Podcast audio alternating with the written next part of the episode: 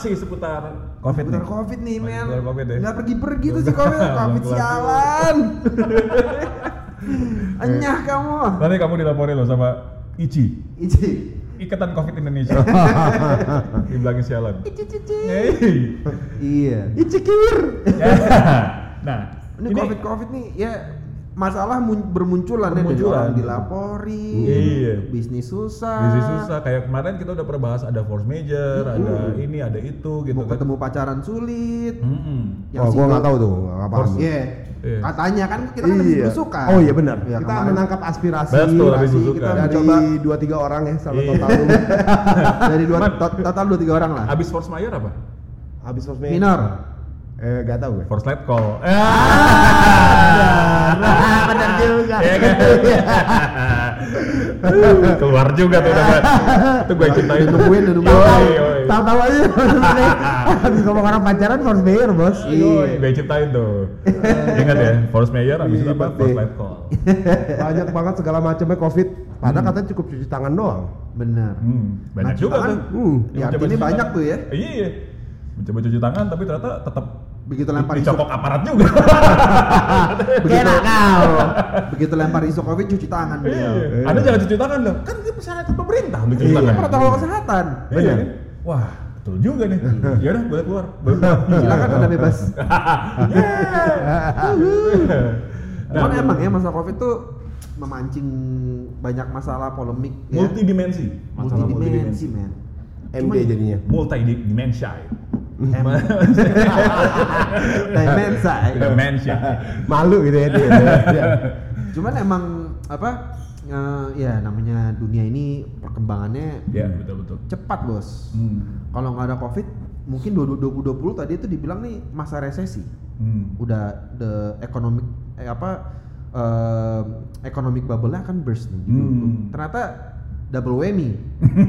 resesi juga, covid juga Iya. memperparah resesi jadi. Iya. Yang salah satu yang juga kayaknya belum kita kupas nih, ini juga hasil belusukan kita. Mm-mm. Banyak banget teman-teman kita yang bertanya nih yang kerja, yang eh, apa namanya, yang berada di dunia kerja gitu kan. Mhm. Wah, gue tiga bulan terakhir gaji gue dipotong Iya. Eh, tiga puluh persen, 40 persen.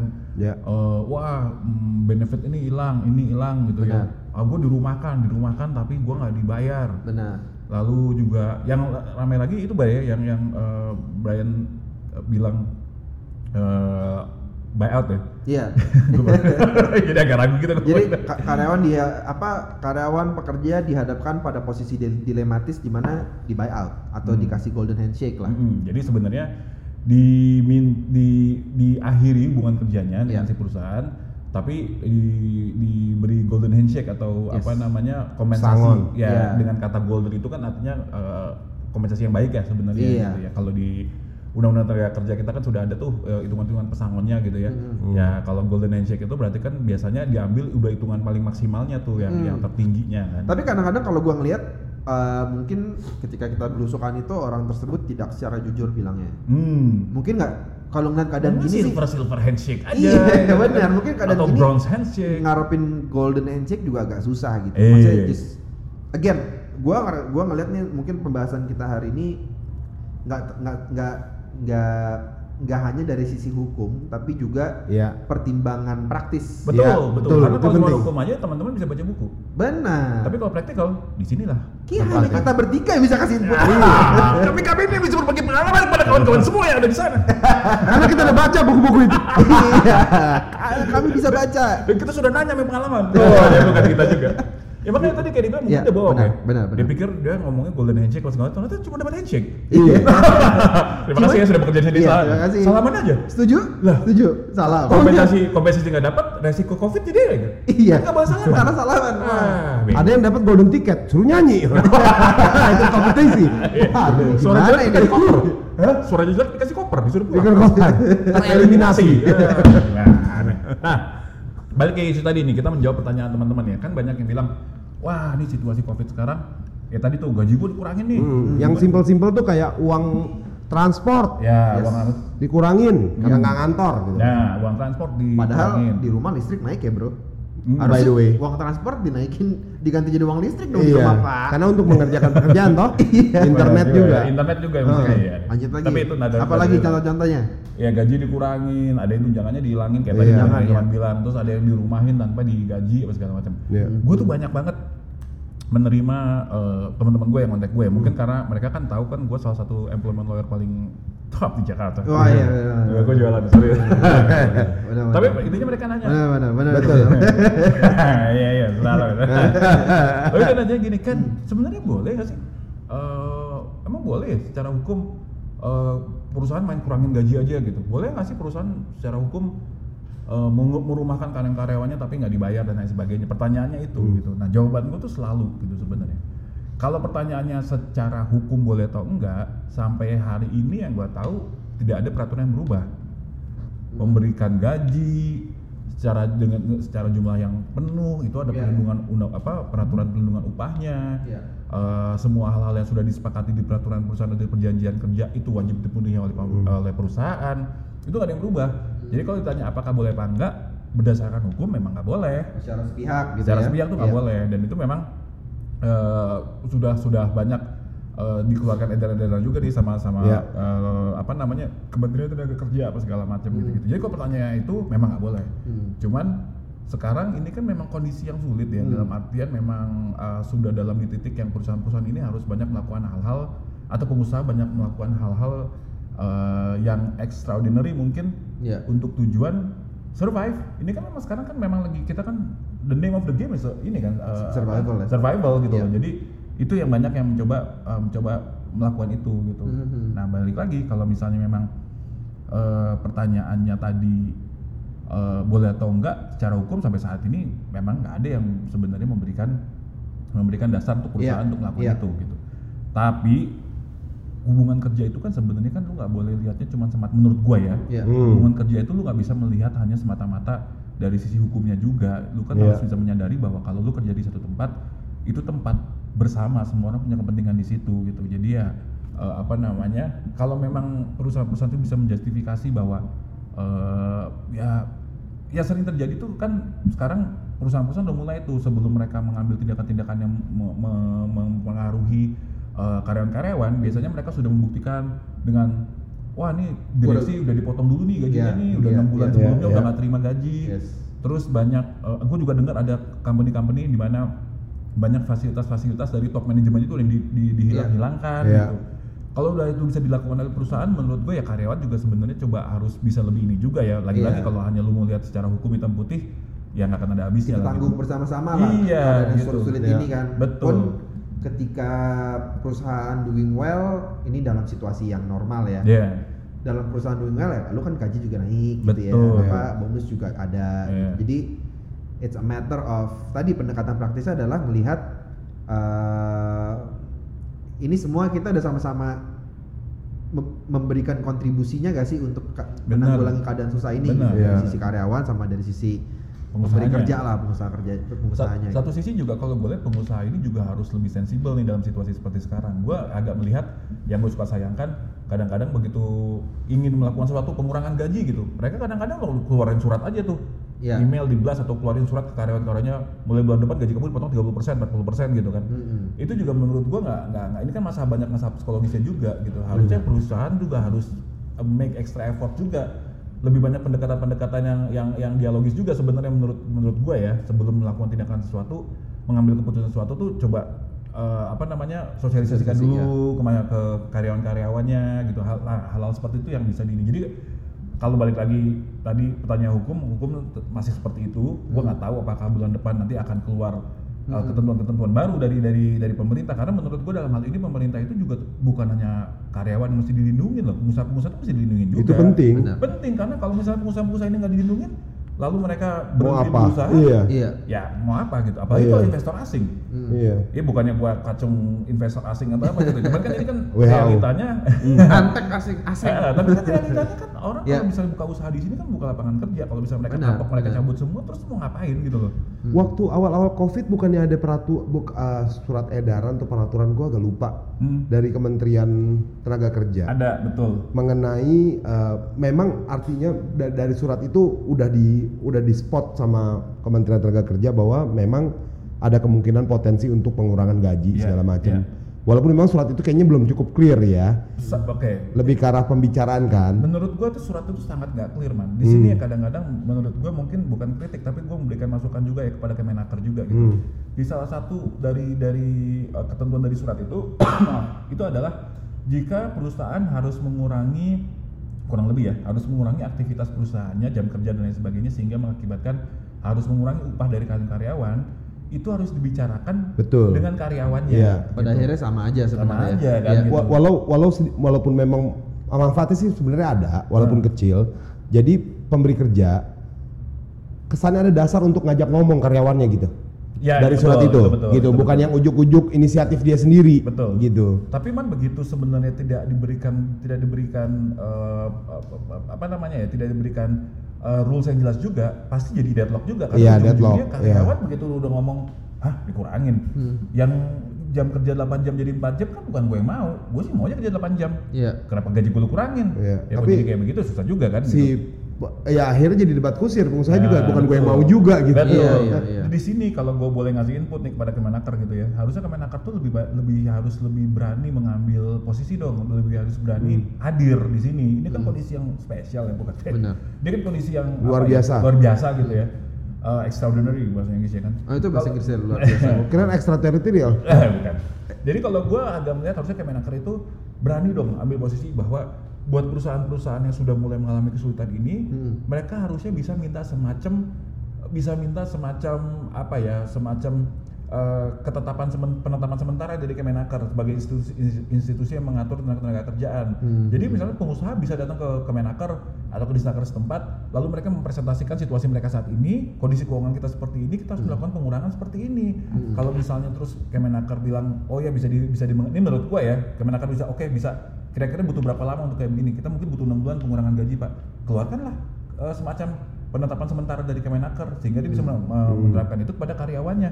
Karena tujuannya kan sebenarnya kan untuk untuk mempertahankan biar perusahaan tetap eksis sebenarnya gitu. Jangan nggak berani gue rasa Nah ya itu masalahnya. nanti Man. karyawannya demo semua itu satu hal itu masalahnya. Atau nggak mungkin ya dibagi jadi ya jadi jadi situasi presentasi itu agak agak tripartit gitu ya. Iya. Paling nggak di situ juga. Tapi Cuman kayak gitu mungkin lama kebanjiran jadi ah, panjang. kebanjiran mereka susah menurut Ya. gua dalam teknisnya takutnya satu kalau dia mutusin dia takut demo semua ke mereka kan Nah, itu satu. ba- Balik lagi.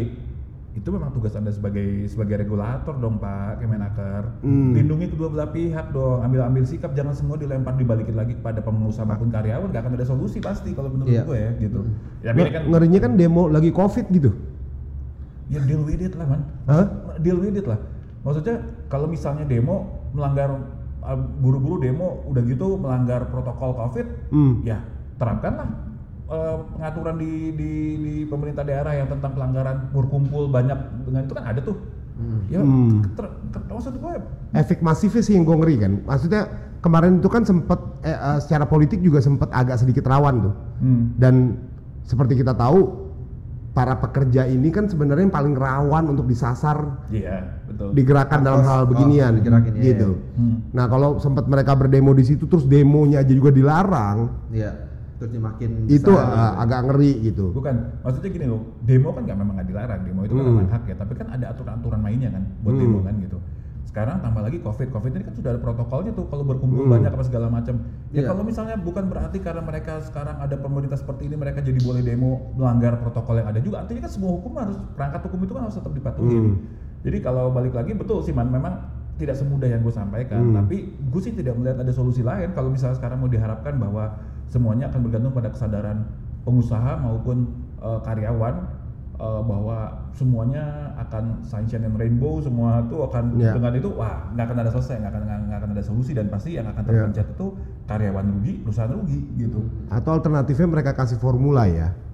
Kalau drop misalnya uh, revenue berapa persen, Hmm. maka pengurangan bisa berapa persen di level apa, Iya. gitu. Cuman Jadi itu- tetap iya. tetap perusahaan yang ngambil, Hmm. Permasalahan nanti di belakang. Kalau misalkan karyawan merasa ini nggak adil, dipermasalahkan di belakang gitu. Nah, tapi kan itu kan artinya sama kurang lebih seperti yang gue bilang tadi, man. Iya. Artinya pem- eh, Kemenaker sebagai regulator sebagai regulator Iya, kasih formula yang lebih ambil posisi. Iya, gitu, hadir formulanya di situ. clear, keputusannya Iya. tetap di perusahaan Iya. gitu. Hmm. Permasalahan di belakang nanti Hmm. gitu. Ya, itu tetap harus ada. Jadi kan tetap, Ah, tetap harus ah, ada. ah. Nah, harapannya sih beranilah ambil ambil sikap lah gitu. Iya, Kalau iya. Mungkin at some point perlu juga kali kalau terus-terusan begini. Iya, Iya. betul. Hmm. Mungkin waktu itu antisipasinya nggak selama ini kali ya waktu Iya. itu. Iya. Gitu gitu. Jadi eh ya kebijakannya diang- diambil untuk yang jangka waktu mungkin dia antisipasi tiga bulan. Ya, dua bulan nih kali, Ah. tiga bulan nih ya covid gitu ya. Kayak Iya. kita aja kan pikir WFH dua bulan, tiga bulan, empat Hmm. bulan sampai sekarang Iya, udah iya. enam bulan kan. Iya kan awal-awal covid tuh sempat ada isu dalam sebulan akan ketemu vaksin segala kok. Iya. Jadi Iya, orang benar. memang siapa yang sangka juga sampai selama ini gitu. Betul.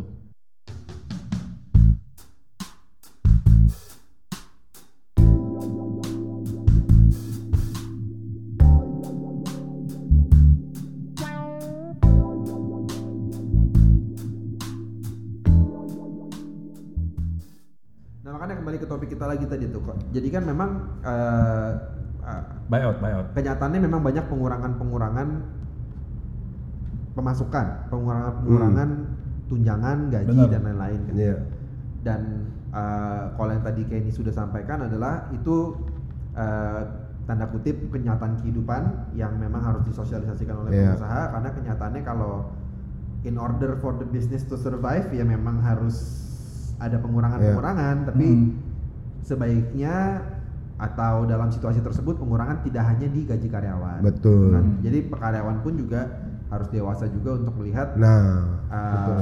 ya gimana nih ya kalau warung kita sepi pemasukan kita nggak ada yang Betul. beli Hmm. ya udah ya dikit lu, lu sendiri kan juga lihat Hmm. covid kan bukan cuma di kota itu aja Ini kan di- global gitu, di it's global dunia thing. gitu Hmm, hmm.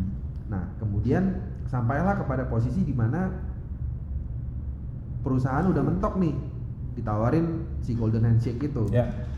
gitu nih gimana karena kan kenyataannya ini hal ini terjadi mendunia nih ini isu mendunia ini isu Global. uh, tenaga kerja di seluruh Di dunia seluruh dunia, di seluruh dunia. dihadapkan pada pilihan Hmm. sedangkan kita nggak tahu sejauh apa nih covid akan terjadi gitu kan Hmm. kalau misalnya bisa gua- iya berapa tahun gitu. berapa tahun Hmm. ya, Iya.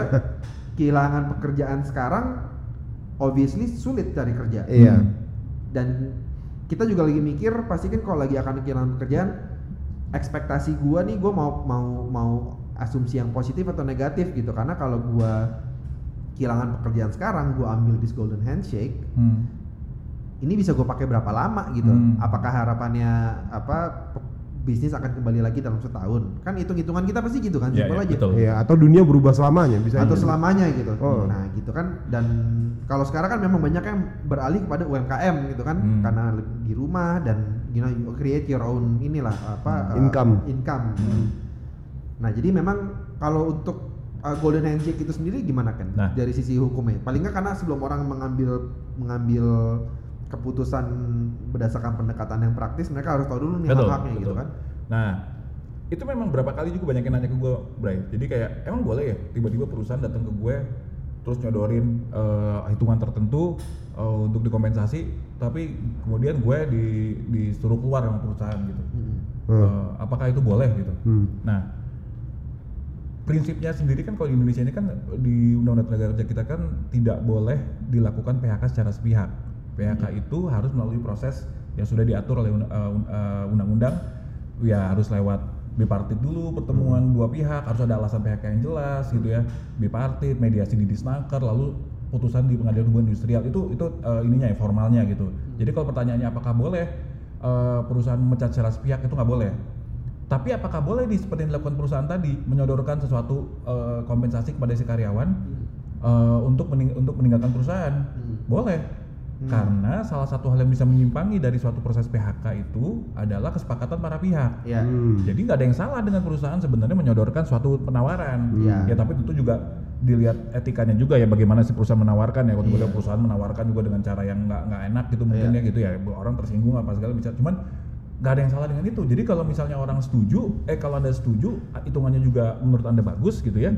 Ya udah eh, nggak ada yang salah boleh That's boleh boleh ya. aja gitu itu artinya mutual mutual termination gitu Iya, dan, dan artinya si pekerja itu juga punya hak untuk negotiate ya. ya Gitu kan? negotiate Tentu gitu pemerintah eh pemerintah si pengusaha akan kasih posisi dia eh bos this is the best I can give man, Iya, man," gitu gua iya. ini ya udah gue paling paling gede gue bisa tambahin 5% dah nih Iya, udah betul. on top of that lah gua ini duit lu lihat sendiri kondisi keuangan kita udah parah kalau semua kalau gua tetap mempekerjakan seluruh workforce ini tetap bertahan perusahaan umurnya cuma tinggal 6 bulan betul Ya. banyak kayak gitu mau nggak mau gue cuma tinggal gue harus cut 50 persen Hmm. 50 persen gue cuma bisa allocate segini Hmm. nah ya kebetulan yang untuk lo angkanya segini gitu Hmm, kan. iya betul cuman berarti sebenarnya si pekerja tuh punya hak juga menolak untuk balelo bukan balelo lah ya dia menganggap ya udah gue pengen tapi gue tetap pengen stay Iya, bisa. Bisa aja kan? Bisa, karena kan gue mau lu bilang perusahaan umurnya tinggal enam bulan misalnya dia ngerasa ah bohong lu bisa sebenarnya gue tahu lu, Hmm, amat gitu bisa ya. gitu kan Eh, eh.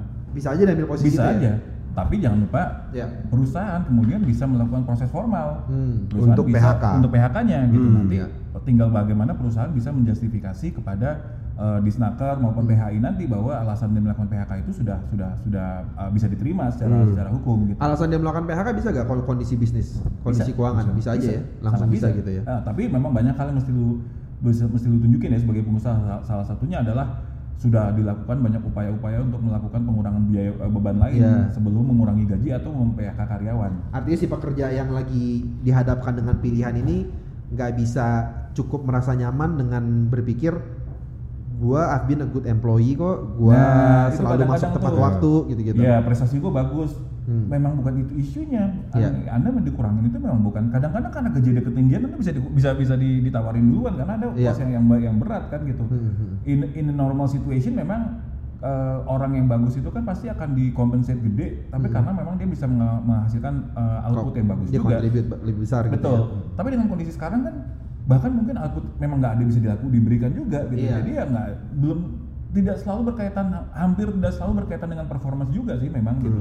Memang karena kondisinya seperti it is what it is gitu loh kan. Iya. Nah sekarang kalau pertanyaannya lo sebagai karyawan lo yang kena. Hmm. Nah, nah ini praktikal nih gitu. Lo yang ditawarin nih sebagai karyawan Hmm. disodorin uh, golden handshake tadi lah gitu. Hmm, hmm, hmm. Apa sih sebenarnya yang uh, sebaiknya dilakukan? Pertimbangannya apa? pertimbangannya apa gitu kalau gua boleh nanti mungkin bisa nambahin juga tapi kalau gua Hmm. boleh eh, ini ya kalau gua boleh eh, share view gue kalau udah ditawarin sama perusahaan there's a reason kenapa perusahaan milih lu Hmm. there's a reason. Itu dulu ya itu aja dulu. Bisa jadi karena gaji lu kegedean. Hmm. performance lu bagus gaji lu udah kegedean. Tapi satu hal yang pasti adalah lu dianggap ekses berarti. Iya. ya Ya. kan? Gitu. Bisa juga sebenarnya in a way perusahaan juga melihat sebenarnya nih orang nggak segitu produktifnya. Iya. lu dianggap nggak terlalu produktif juga. Artinya kecuali seluruh karyawan itu di, di PHK kalau masih ada karyawan-karyawan yang di retain Hmm. there's a reason kenapa lu yang dipilih orang-orang itu enggak gitu apa pun alasannya kalau gua Jadi pertama perusahaan pasti ada alasan kenapa pilih lu. gitu ya? pasti Oke. apa pun itu alasannya ya Iya. bisa karena lu kemahalan Itu bisa untuk karena untuk consideration lu ya. betul inget-inget aja gitu kan gitu bisa juga karena selama ini lu sebagai sebagai banyak sepak terjang lu yang mungkin kurang berkenan di, di, di, di perusahaan kita nggak tahu ya apa pun juga gitu Jadi bisa ada masalah, bisa Hmm. karena nggak ada nggak lu there's eh, masalahnya bukan di lu, masalah di gue kan Ah, gitu ya. iya. It's not you, it's me, gitu. It's not you, it's me ya. Nah, ya gue nggak tahu juga apa perusahaan kemudian main tarik lotre untuk milih namanya kita kan nggak tahu Iya, benar. tapi faktanya Bisa cap cip cup juga ya. kepilih gitu Iya, loh, kan pokoknya lu kepilih. jadi kalau itu gua gitu ya selama hitungan lu selama yang ditawarkan itu sudah maksimal satu lu jangan pernah ber- berpikir bahwa karyawan itu eh perusahaan itu umumnya pasti akan mengacu kepada undang-undang tenaga kerja undang-undang tenaga kerja itu udah ada formula hitungannya. Yang ada disebut nanti bisa dijelaskan lebih panjang atau lu bisa google sendiri. Ada hitungannya yang satu PMTK, dua PMTK, dua PMTK itu yang pesangonnya dihitung dua kali tuh angka pengalinya. Itu paling tinggi tuh. Kalau perusahaan udah nawarin itu sampai dua kali itu udah secara undang-undang udah paling maksimal tuh.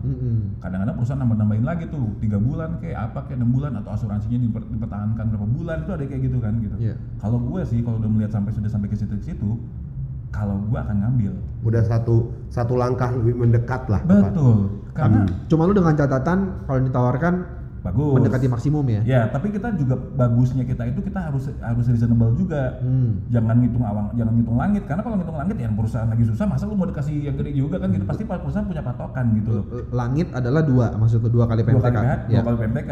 Boleh aja lu berharap dapat lebih gitu ya. Tapi kan kadang-kadang sampai mikir, wah, gua selain dua PMTK gua minta ekstra lagi berapa puluh bulan. Iya. Ya come on man, maksudnya siapa yang bisa bayar lo gitu. Iya. Pada akhirnya kalau misalnya sampai perusahaan nanti memba- mem- membawa permasalahan ini dibawa secara proses formal, dibawa ke disnaker lalu PHI segala macam. Hak lu dua kali PMTK ya. Dua kali PMTK paling tinggi. Hmm. Undang kan nggak mungkin diputus lebih gede dari undang-undang gitu. Jadi kalau lu udah merasa hitungannya cukup bagus dan lu juga bisa melihat juga ya ini emang perusahaan kalau nggak kalau nggak ada begini pasti ma pasti ngos-ngosan kan gitu. Hmm. Ya menurutku sih cabut. Kondisi apa yang bikin lu mungkin akan mempertimbangkan ngambil di bawah dua kali PMTK? Misalnya ditawarin satu kali. Kalau satu mungkin gue udah melihat memang gue bisa lihat sendiri nih perusahaan udah udah udah kepayahan banget gitu. Jadi artinya kalau udah kepayahan banget umur perusahaan tinggal enam bulan, Iya. satu kali PMTK gue kayaknya lebih besar dari gaji enam bulan gue deh gitu Iya. kali ya. Mungkin salah satu co- consideration praktisnya gitu ya. Mungkin sekarang perusahaan masih bisa bayar lo. Hmm. Mungkin nanti belakangan-belakangan yang tersisa itu pas begitu tuh bisa-bisa bahkan Hmm. Nol gitu ya. Jadi malah Iya. mendingan duluan gitu masih ya. jadi mendingan lu duluan. Iya, Ya, iya. kayak gitu lu mesti mesti mesti pertimbangkan juga kalau menurut gue gitu. Iya. Tapi balik lagi kalau buat gue sih prinsipnya dari reason kenapa perusahaan memilih lu. Hmm. Nah ya udah lu pastikan aja lu. And and even before that there's a reason kenapa per- perusahaan me- mengambil keputusan untuk mengurangin orang gitu Nah, kan. benar. Satu dulu habis itu dan Baru, kenapa orang kenapa itu itu lu? Iya, Ya, iya, gitu. Iya, iya. Kalau misalnya lu udah udah bisa uh, do the math, Hmm. one plus one is two gitu ya. Iya. Ya udah kalau menurut gue sih Iya. gitu. Buat apa juga? Terus lu mau mau fight sama perusahaan? Iya. berpanjang-panjang dengan harapan apa? Karena ingat loh kalau misalnya lu men-challenge PHK yang dilakukan oleh perusahaan Hmm. di di pengadilan hubungan industrial, nanti bukannya PHI memutuskan pesangon lu jadi empat kali lipat, nggak juga. Hmm. PHI itu akan menyatakan bahwa PHK-nya tidak sah sehingga lu tetap karyawan. Hmm. Nah, lu bekerjalah ketemu lagi sama atasan-atasan lu yang kemarin sudah mencoba mem-PHK lu. Dan Iya. umur perusahaan itu nggak tahu sampai kapan. Dan lu tuh sampai kapan gitu kan? Iya. Kan pr- proses proses di PHI aja, PHI itu peradilan hubungan industrial Ya, gitu ya. hmm. Itu aja mungkin bisa lebih lama dari umur perusahaan yang mungkin lagi Bisa udah sekarat jadi. gitu ya, Ya, udah lagi ada. Iya. Nah, Jadi kalau gue sih melihat ya, kalau misalnya sa- satu perusahaan memang sudah uh, merasa lu tidak tidak perlu ada di situ lagi ya buat apa lu ada di situ gitu kan. Kalau gue sih prinsip dari lu kerja sama orang, lu treat perusahaan sebagaimana perusahaan itu men-treat lu aja ya udah gitu kalau Iya. gue bilang ya gitu Iya. selama Kalau selama masih. misalnya dia ngotot kan, Nah, ngotot deh, sampai perusahaan bubar, pilot Hmm. atau dilikuidasi. hmm, Hak karyawan kan merupakan salah satu yang diprioritaskan hmm, di dalam apa namanya kepailitan. hmm, Eh, begitu pula kalau likuidasi lah, Iya, mungkin iya. lebih lebih soft bahkan Hmm. kalau likuidasi. Yang mereka lihat gambarannya lebih besar nggak sih kalau emang mereka tahan sampai kepailitan sampai likuidasi? Is it worth the wait? Is it worth the fight? malah lebih risky nggak sih? Kalau misalnya lu membiarkan sampai itu sampai masuk ke apa segala macam, pada akhirnya walau pajak itu, eh, sorry, correct me if I'm wrong ya, karena Hmm. gue bukan lawyer kepailitan, cuman eh, gaji itu kan sama kayak pajak ya, jadi yang termasuk yang apa namanya eh, prioritas. Prioritas. yang harus di- Hmm. dibayarkan oleh sampai oleh perusahaan. Prioritas itu bukan berarti ba- bakal terpenuhi Full. full. Yes. Tergantung keadaan keuangannya. Ah, ah. Iya. Tapi sambil mereka jalan tuh gajinya akan diperhitungkan terus. Oh iya, harusnya di- harus dibayarkan terus. Oke, oke. Tapi kan kemudian lu jadi mikir Jadi juga. gamblingnya gitu ya. Ini Iya. perusahaan beneran ada duit apa enggak? Iya. yang penting gitu. itu benar. Lu percaya gak dibilang kondisi keuangannya Iya, ngos-ngosan gitu? iya. Iya. Dengan dengan kemungkinan lu amsyong di belakang, Iya. lu udah ngotot Iya, dengan benar. dengan kelelahan mental lu, Iya. Indian mungkin secara matematis bisa lu dapat yang lebih besar, Hmm. Tapi masalahnya barangnya ada nggak buat ngebayarin lu Benar, gitu ya. Di atas kertas doang tuh jadinya Hmm. gitu. Hmm. Lagi pula hati-hati juga loh ini industri kan juga sebenarnya ini ya industri itu kan eh, kalau dibilang kecil ya gede, dibilang gede ya kecil. Cuman kadang-kadang perilaku-perilaku yang being difficult sebagai karyawan itu bisa tersebar di industri yang tempat lo bekerja. Nanti besok-besok Hmm. mungkin perusahaan-perusahaan lain juga akan ngeliat wah ini orang kan Ya, ya. trouble nih dan segala macam. Jadi harus lebih Padahal sensible aja kondisi lagi begini Nah, amat. lebih sensitif. Jadi saat-saat sekarang nih pengusaha-pengusaha Hmm. itu memang eh, saat-saat yang terbaik sebenarnya ngelihat loh mana mana karyawan-karyawan yang worth to keep, mana yang mana yang Iya. kan di sini nih sebenarnya. Even sometimes when you apa pas dia putusin untuk apa meng- mengakhiri hubungan kerja dengan lo nggak menutup kemungkinan dia bisa merefer lu kepada perusahaan lain Benar, yang mungkin betul. di industri itu Lu dikasih dikasih referensi yang dikasih bagus, referensi yang bagus iya, gitu kan bener. ya sorry gue nggak bisa keep lu I cannot feed you lu Hmm. tinggal di rumah gue gue nggak bisa kasih makan nih Hmm. kalau lu perlu cari kerjaan tempat lain yang rumah lebih bagus istilahnya Hmm. rumah lebih sehat gitu Hmm. perusahaan lebih sehat gue bisa kasih rekomendasi. Hmm. Jadi it's something yang ya itu mungkin again pertimbangan kedua, Betul. pertimbangan lainnya lah untuk Hmm. untuk sebelum mengambil keputusan itu gitu ya. Tapi kalau lu mau menghadapi situasi seperti itu dengan dengan atau dengan perusahaan tempat lu bekerja ya, ingatlah bahwa di, di ba- masih banyak banget loh perusahaan-perusahaan yang sekarang bahkan nggak nggak sampai memikirkan itu tuh Bre. Hmm. Jadi perusahaan-perusahaan yang udah pikir ya udah lu karyawan gue udah nggak bisa bayar lu nih satu bulan gaji lu terima apa enggak kalau enggak ya udah pokoknya lu keluar aja Suka-suka lo lah. suka-suka lu terserah lu mau ngapain Iya. jadi bersyukurlah masih masih tetap harus berpikir bukan bersyukur maksud gue tetap harus berpikir bahwa per- ini perusahaan sudah sudah cukup sensibel loh terhadap Iya, gue iya. gitu. itu juga harus jadi pertimbangan Udah mikirin juga. nasib gue iya, nih. iya itu jadi pertimbangan juga tuh menurut gue Nah, ada kondisi-kondisi kan yang yang memang kita tahu, gua gua gua nggak pernah dengar di perusahaan besar sih, tapi ada kondisi-kondisi misalnya restoran-restoran atau kafe itu di mana karyawan itu dirumahkan tanpa digaji sama sekali. banyak eh. Gitu. Nah, dalam kondisi gini apa motivasinya uh, pemberi kerja untuk menawarkan handshake? Toh dia bisa merumahkan aja. Iya. Nah, itu itu satu hal. Nah, kemudian ketika keadaan membaik nih misalnya. Sebenarnya itu dianggap kayak gaji terhutang nggak sih? Yang kemarin-kemarin nggak digaji gitu. Nah, balik lagi man, sebenarnya kan by rules itu kan nggak boleh. Nggak boleh, by rules. Jadi, Ah. Tapi memang akhirnya ada perusahaan-perusahaan yang gue tahu tuh yang modelnya yang oke, gue nggak nggak gaji lu gue potong dulu 50 tapi ini Iya. nanti dianggap sebagai ini ya. Nanti kita akan compensate dari bonus lu dalam depan. Iya. Ada yang kayak gitu juga. Iya. Tapi ada juga yang benar-benar yang Gue gue setuju loh lo bilang bahwa kita harus sensibel karena gini peraturan yang kayak pandangan-pandangan ber- berbaik sangkanya kan peraturan perundang-undangan itu dibuat untuk melindungi pekerja supaya tidak dizolimi oleh pemberi kerja kan. Hmm. Nah kalau dalam kondisi dia tidak dizolimi, kondisinya sulit, nah terus kenapa kita harus larinya ke situ kan Hmm. gitu. Nah cuma pertanyaannya ketika motivasinya kan jadi nggak ada nih ketika dia bisa dirumahkan tanpa diupah Hmm.